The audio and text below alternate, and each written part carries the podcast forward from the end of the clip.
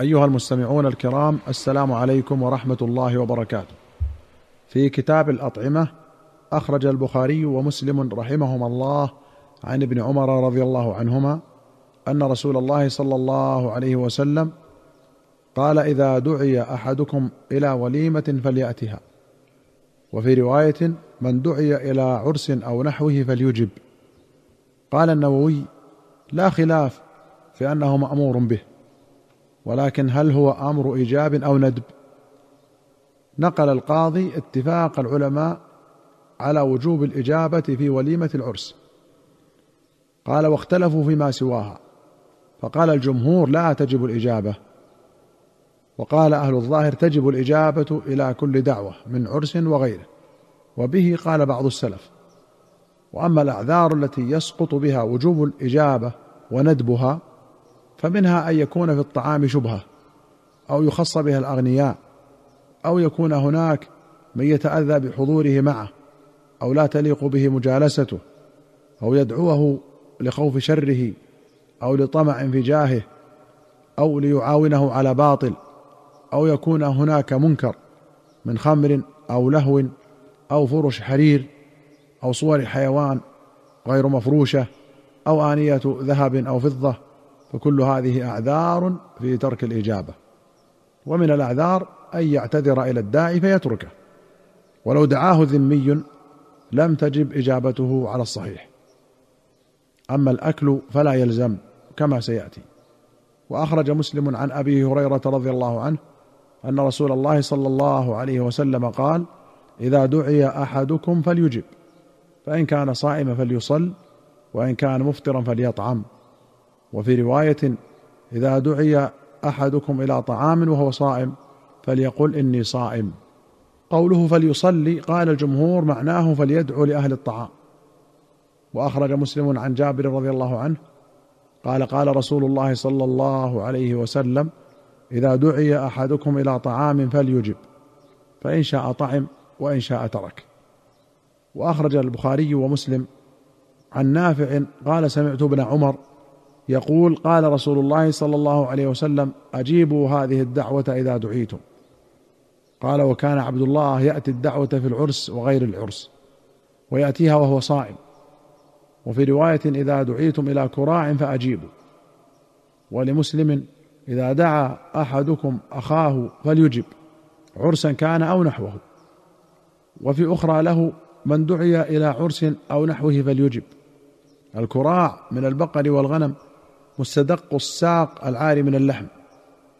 وأخرج البخاري عن أبي هريرة رضي الله عنه أن رسول الله صلى الله عليه وسلم قال لو دعيت إلى ذراع أو كراع لأجبت ولو أهدي إلي ذراع أو كراع لقبلت. وأخرج مسلم عن أبي هريرة أن النبي صلى الله عليه وسلم قال شر الطعام طعام الوليمة. يمنعها من يأتيها ويدعى إليها من يأباها. ومن لم يجب الدعوة فقد عصى الله ورسوله.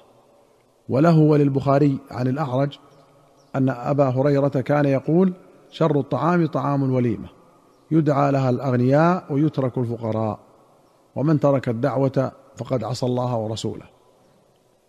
وأخرج الشيخان عن أبي مسعود الأنصاري البدري رضي الله عنه قال كان رجل من الأنصار يقال له أبو شعيب وكان له غلام لحام وفي رواية قصاب. فرأى رسول الله صلى الله عليه وسلم فعرف في وجهه الجوع فقال لغلامه ويحك اصنع لنا طعاما لخمسة نفر فإني أريد أن أدعو النبي صلى الله عليه وسلم خامس خمسة. فصنع ثم أتى النبي صلى الله عليه وسلم فدعاه خامس خمسة. فاتبعهم رجل.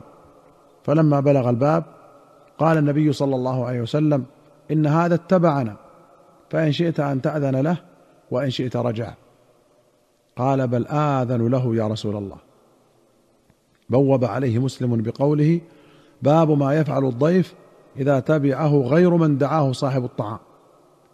واستحباب إذن صاحب الطعام للتابع. واللحام هو بائع اللحم والقصاب من قولهم قصبت الشاة قصبا أي قطعتها عضوا عضوا.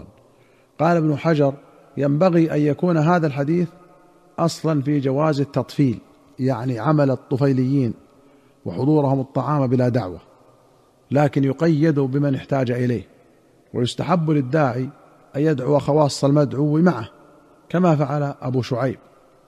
بخلاف الفارسي في الحديث الآتي فلذلك امتنع النبي صلى الله عليه وسلم من الإجابة إلا أن يدعو عائشة معه. وفيه إجابة الإمام والكبير دعوة من دونهم.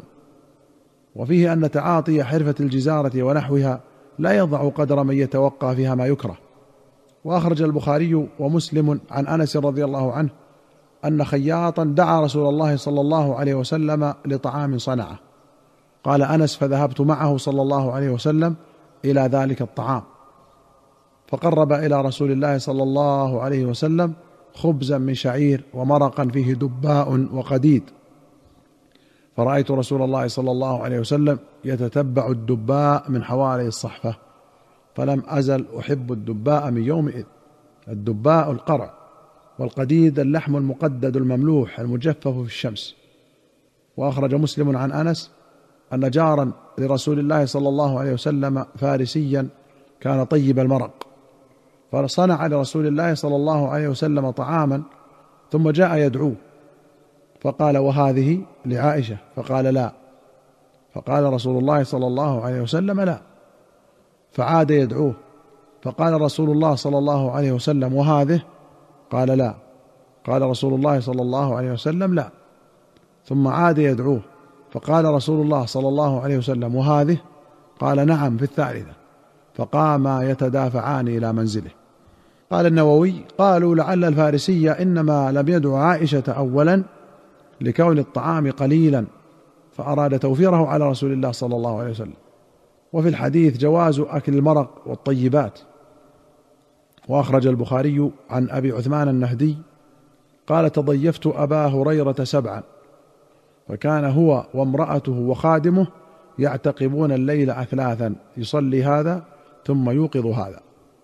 وسمعته يقول قسم رسول الله صلى الله عليه وسلم يوما بين أصحابه تمرا فأعطى كل إنسان سبعا وأعطاني سبعة إحداهن حشفة فكانت أعجبهن إلي لأنها شدت في مضاغي وفي رواية فأعطى كل إنسان منا خمسة خمسة أربع تمرات وواحدة حشفة.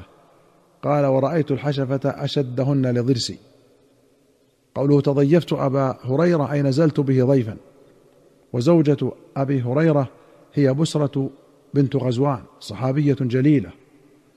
وهي أخت عتبة بن غزوان الصحابي الجليل أمير البصرة. والمضاغ هو ما يمضغ وقيل هو المضغ نفسه.